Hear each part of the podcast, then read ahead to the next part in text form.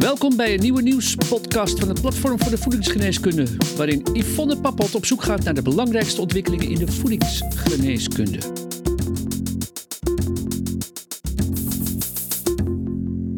Hallo luisteraars, welkom weer bij de wekelijkse nieuwspodcast van Voedingsgeneeskunde. Met deze podcast willen we jou inspireren over de rol van leefstijl, voeding en specifieke nutriënten in relatie tot gezondheid en ziekte. Ik ben Yvonne Pappot en ga vandaag met Andrea van Vuren in gesprek over visoliesupplementen. Welkom weer, Andrea. Ja, jij woont in Frankrijk, maar je was dit weekend over in Nederland. En ik vind het echt erg leuk dat je speciaal voor deze nieuwspodcast een dagje langer gebleven bent. Zodat we dus deze opname samen in Vinkenveen kunnen maken. Ja, vind ik ook hartstikke leuk. Ja, en we gaan het weer hebben over een heel mooi thema, namelijk visolie. Ja, we hebben als voedingsgeneeskunde al een uitgebreide podcast uitgegeven met als titel Lessen uit de oertijd, vis als medicijn, waarbij ik eh, in gesprek ben geweest met uh, therapeut Jeroen de Haas en Remco Kuipers. Hij is cardioloog, onderzoeker en gezondheidscoach. Hele interessante podcast. Ja, ja, zeker. Maar in deze korte podcast wil ik het met jou vooral hebben over ja, hoe je nou een goed kwalitatief visoliesupplement uh, kiest. Ja, waar let je op? Uh, visoliesupplementen zijn uh, enorm populair. En hoe komt het eigenlijk dat die supplementen zo populair zijn? Ik weet het natuurlijk ook niet zeker, maar ik denk dat het te maken heeft ook met het feit dat we niet zulke viseters zijn in Nederland. Um, als je kijkt naar de voedselconsumptiepeiling, de meest recente, dan uh, eten we slechts 15 gram vis per dag gemiddeld. En um, ik denk ook dat het komt omdat visvetzuren wel goed bekend staan. Ze hebben veel gezondheidsvoordelen die ook onderbouwd zijn. En vandaar dat je op de verpakking ook verschillende gezondheidsclaims mag doen. Je mag een claim doen over uh, het gezichtsvermogen van sommige vis, visvetzuren. Uh, dat het de hersenfunctie ondersteunt. Uh, het heeft gunstige effecten op het hart. En ook voor kinderen heeft het uh, gunstige effecten. Als de zwangere vrouw het tot zich neemt, heeft het gunstige effecten voor de ontwikkeling van het kind, voor de ogen bijvoorbeeld. En ook voor het ontwikkelen van de hersenen van de foetus. Um, dus dat soort claims mag je ook maken op het etiket. En dat maakt het natuurlijk ook aantrekkelijk om de producten te kopen. Ja, ja, zo noem je nogal wat uh, effecten inderdaad. Uh, maar en wat komen we zoal tegen in het schap uh, aan, aan producten? Kun je daar een schets van geven? Er zijn natuurlijk verschillende doseringen die je kunt kopen. Heel, veel visvetzuren, omega-3 vetzuren of heel weinig. Uh, het is wel belangrijk om daarop te letten, om te kijken op het etiket van hoeveel visolie zit er bijvoorbeeld in en hoeveel procent daarvan is daadwerkelijk, um, zijn daadwerkelijk de visvetzuren. Dat is wel een, wel een goede om naar te kijken. Dat kan soms verwarrend zijn. Is het nou 1000 milligram visolie of zitten er 1000 milligram visvetzuren in?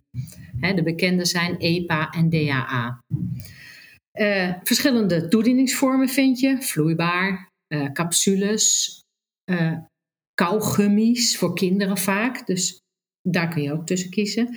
En dan zijn er allerlei voordelen, bijvoorbeeld voor sommige producten, dat het niet oprispt, bijvoorbeeld. Dat je dan geen visboertjes gaat laten. Um, en dat ze pas open gaan in de darm bijvoorbeeld en niet in de maag. Um, nou, dat soort producten zijn verkrijgbaar. Dus verschillende doseringen, verschillende toedieningsvormen, maar ook uh, verschillende verbindingen. Want vitamine en mineralen kun je in verschillende verbindingen krijgen. Maar dat geldt ook voor visvetzuren. Je kan ze in een natuurlijke vorm kopen, dus zoals ze ook in de voeding zitten, in, in de vorm van triglycerides. Uh, je kunt ze krijgen in de vorm van fosfolipiden. Dan zit het vaak daarin in de vorm van krilolie.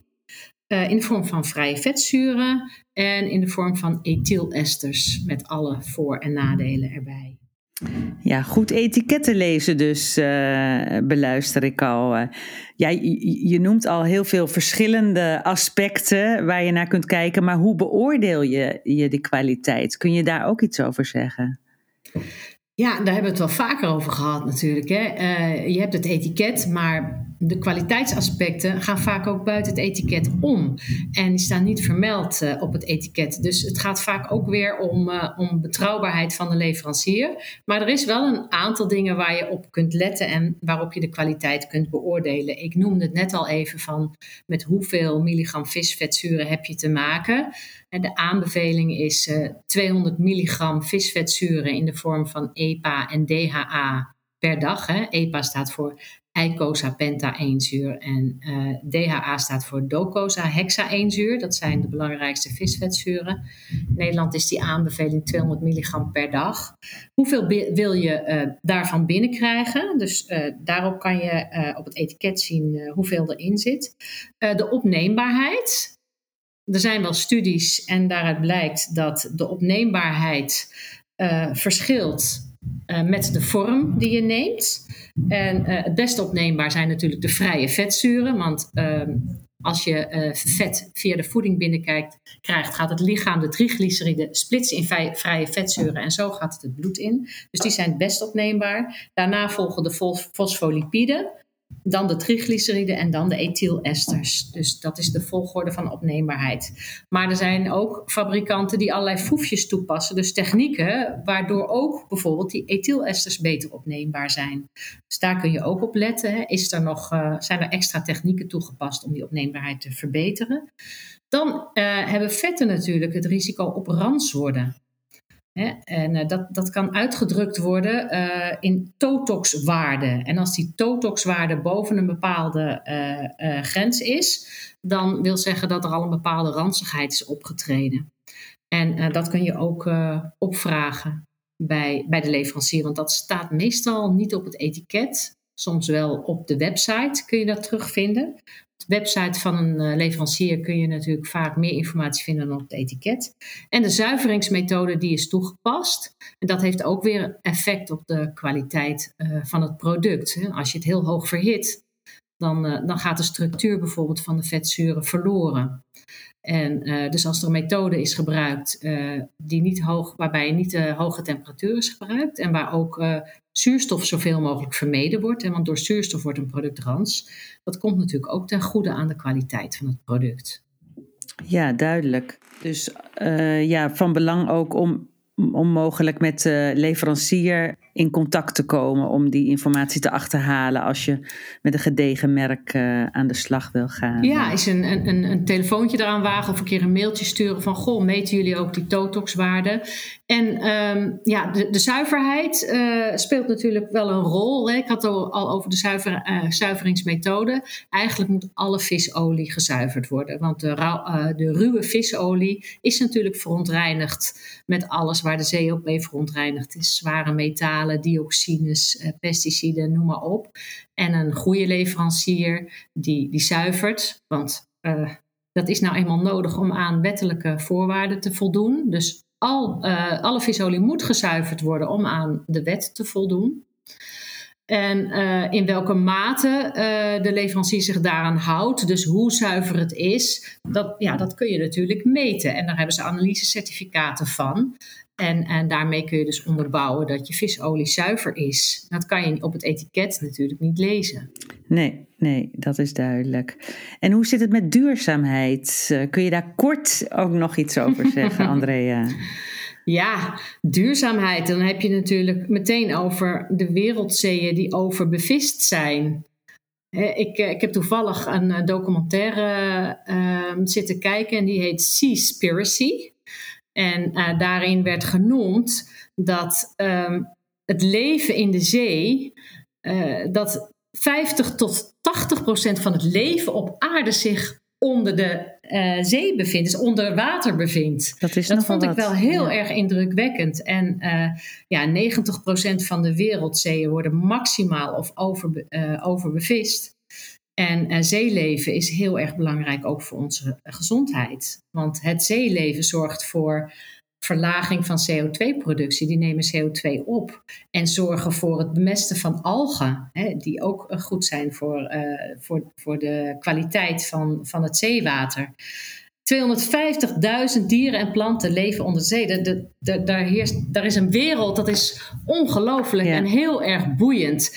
Maar je wordt zo triest als je kijkt naar die documentaire. Je wil nooit meer vis eten, echt niet.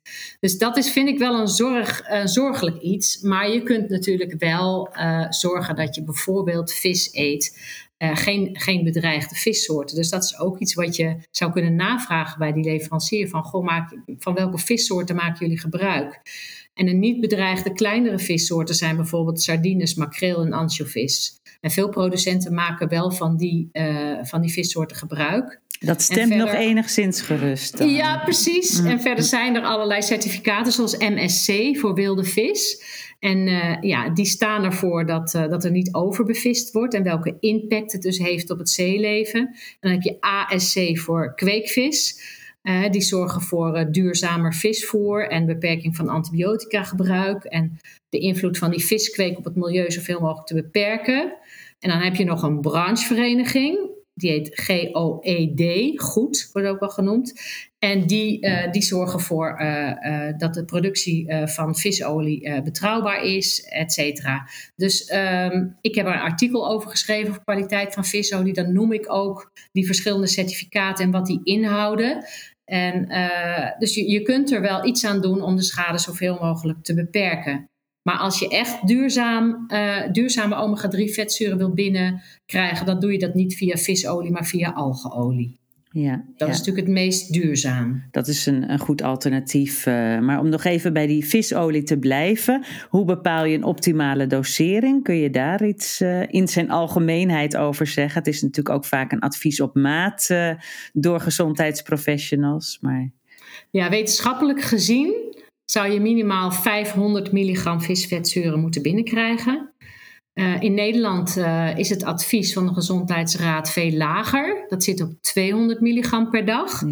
Ja. Um, Eén keer in de week vis. Voorheen was dat twee keer, waarvan één keer uh, vette vis. En dat is ook beperkt uh, in verband met duurzaamheid. Dus er is nog een verschil in waarop baseer je je keuzes. Maar voor je gezondheid zou het beter zijn om uh, eh, 500 milligram te gebruiken. En als je niet gezond bent, je hebt bijvoorbeeld al hart- en vaatziekten, dan begint het bij 1000 milligram. En bij andere aandoeningen, zoals ontstekingsziektes, kan het wel tot 4000 milligram visvetzuren per dag uh, gaan. Voor als je het puur kijkt op gezondheidsaspecten. En het beste zou je dat natuurlijk in de vorm van vis kunnen nemen. En dan krijg je ook nog bijvoorbeeld selenium en zink binnen die uh, ondersteunen bij het ontgiften bijvoorbeeld van zware metalen. Um, maar ja, dan, uh, dan zit je toch inderdaad ook met verontreinigingen in vis en dergelijke die je toch onbedoeld meekrijgt en die niet vermijdbaar zijn. Want de zeeën zijn nou eenmaal enorm vervuild. Niet alleen met die zware metalen en dioxines, maar ook met microplastics en dergelijke. Dus, uh, maar uh, een dosering, uh, voor, als je kijkt naar gezondheid, dan, dan is het hoger dan de aanbevelingen in Nederland. En dan begint het bij 500 milligram EPA en DHA per dag. Ja, dat is een concreet ja. advies. we ja. komen alweer aan het ja. eind van de, van de nieuwspodcast. wat heb jij tot slot voor boodschap voor de luisteraar nog, Andrea? Je hebt al heel veel informatie gegeven waar we op moeten letten, maar ja, ik kom toch weer op die betrouwbare producenten. Wees kritisch. Um, waag een telefoontje of een mailtje. Uh, of die, of die uh, producent weet waar hij het over heeft. En uh, of ze ook daadwerkelijk inspanningen leveren om een goede kwaliteit visolie te leveren. En uh, als je je zorgen maakt om duurzaamheid, uh, stel dan ook die vragen: welke vissoorten worden, worden gebruikt? Hè, uh, komt het uit de hele vis of komt het uit restmateriaal? 25% van de productie komt uit restmateriaal van visolie en 75% komt uit de hele vis, bijvoorbeeld. Dus wees kritisch en lees de etiketten goed. Daar komt het eigenlijk toch steeds op neer. Ja, ja, dankjewel. En jouw woord van de week, wat is dat? Ja, laat ik toch maar duurzaamheid zeggen. Ik maak me toch wel daar heel veel zorgen over. Uh, dus ja, duurzaamheid. Ik, ik, die zee, dat is, dat is gewoon fantastisch, dat leven daar. En daar moeten we zo zuinig mee omspringen. Want als het zeeleven doodgaat, gaan wij ook dood. We zijn ervan afhankelijk. Ja, dat is heel mooi. Ik wil daar zuiverheid aan toevoegen. Nou, Andrea, bedankt weer voor dit boeiende gesprek. Ja, mooi onderwerp weer uh, waarover we nog veel langer door kunnen praten, maar dat doen we niet in deze korte podcast. Uh, je hebt ook een uh, mooi overzichtsartikel geschreven, zoals je al zei, hè, over de kwaliteit van visoliesupplementen. En dat is gratis te lezen weer via de website van Voedingsgeneeskunde. Dus ja, daar nodig ik u van harte voor uit. Nou, de luisteraars ook bedankt voor de aandacht en graag tot de volgende keer. Ja, heel graag. Via vakblad, website, podcasts en een jaarlijks congres biedt voedingsgeneeskunde al meer dan 20 jaar professionele en wetenschappelijk onderbouwde kennis. Gratis voor niets, het laatste nieuws in je inbox. Schrijf je dan in voor de wekelijkse nieuwsbrief op www.voedingsgeneeskunde.nl. Redactie en productie Yvonne Papot. Techniek Sjoerd Kaandorp. Voedingsgeneeskunde is een project van uitgeverij Media Medica.